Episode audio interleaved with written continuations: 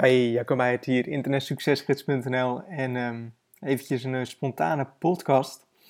Ik zat net eventjes in de, in de Google Analytics te kijken van internetsuccesgids.nl en deze week, um, of volgens mij eind vorige week, in ieder geval pas geleden, heb ik een artikel uh, gepubliceerd op Internet Succesgids over long tail SEO.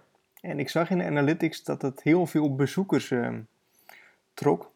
Dus volgens mij is daar zo best wel wat vraag naar, hè? vraag naar kennis over dat onderwerp. Dus ik dacht, het is wel eventjes leuk om, dat, uh, ja, om daar nog even podcast om over op te nemen.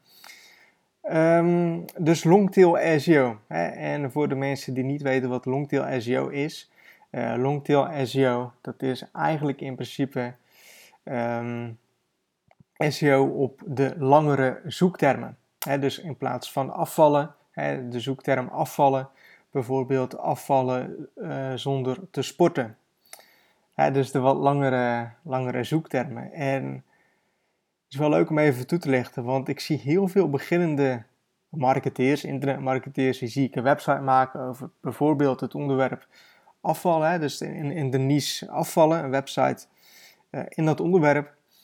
En dan zie ik ze artikelen maken over zoektermen, bijvoorbeeld afvallen of afslanken of sporten of fitness. Weet je alleen die zoektermen. Dus alleen die één woord zoektermen, de short tail keywords. En dan zijn ze daar zo een paar weken mee bezig, misschien een paar maanden.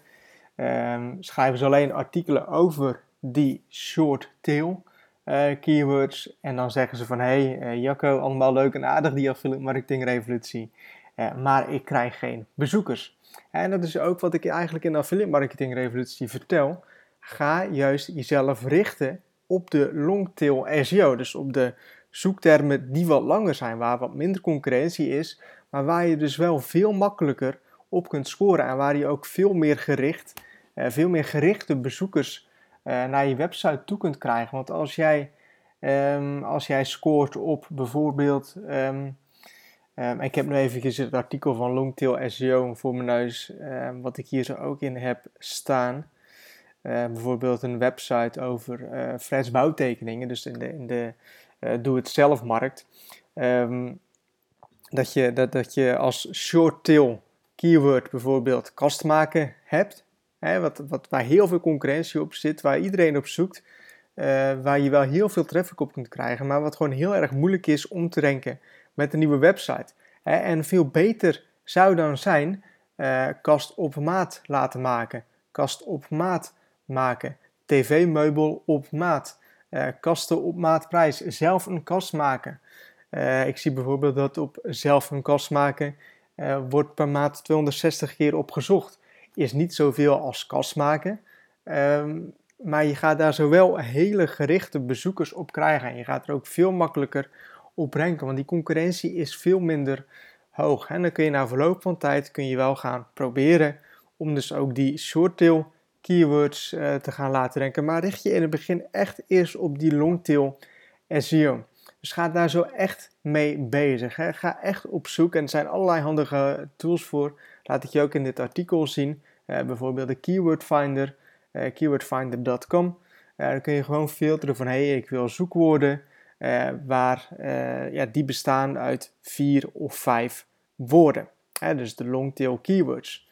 En als je dat doet, dan krijg je een hele lijst met alleen maar longtail keywords. En, en nogmaals, je, je hebt daar zo minder bezoekers op, maar je kunt er veel sneller op ranken. Dus je kunt veel sneller gerichte bezoekers naar je website krijgen. En uh, de bezoekers die je dus gaat krijgen, die gaan dus echt gericht zijn en dus al dat product willen gaan kopen, al veel sneller.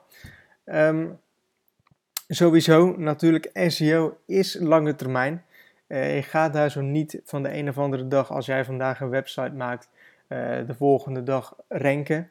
Gaat gewoon tijd overheen. maar als je jezelf richt op die longtail keywords, kun je wel veel sneller gaan ranken dan op die short tail keywords.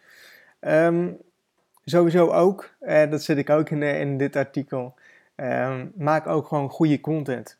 Eh, denk niet van, oké, ik heb nou een long tail keyword uh, elke content of elk artikel wat ik daarover schrijf is goed.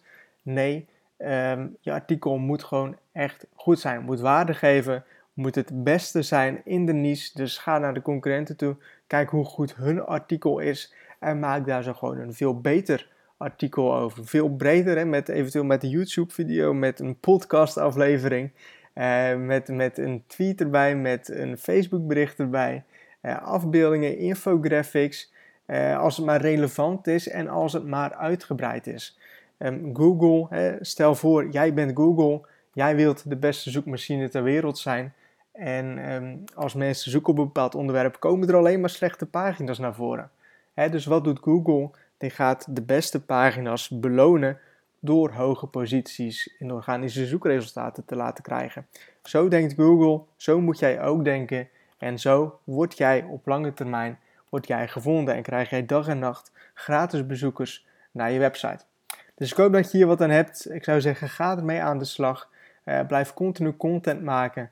En ik spreek je in de volgende podcast.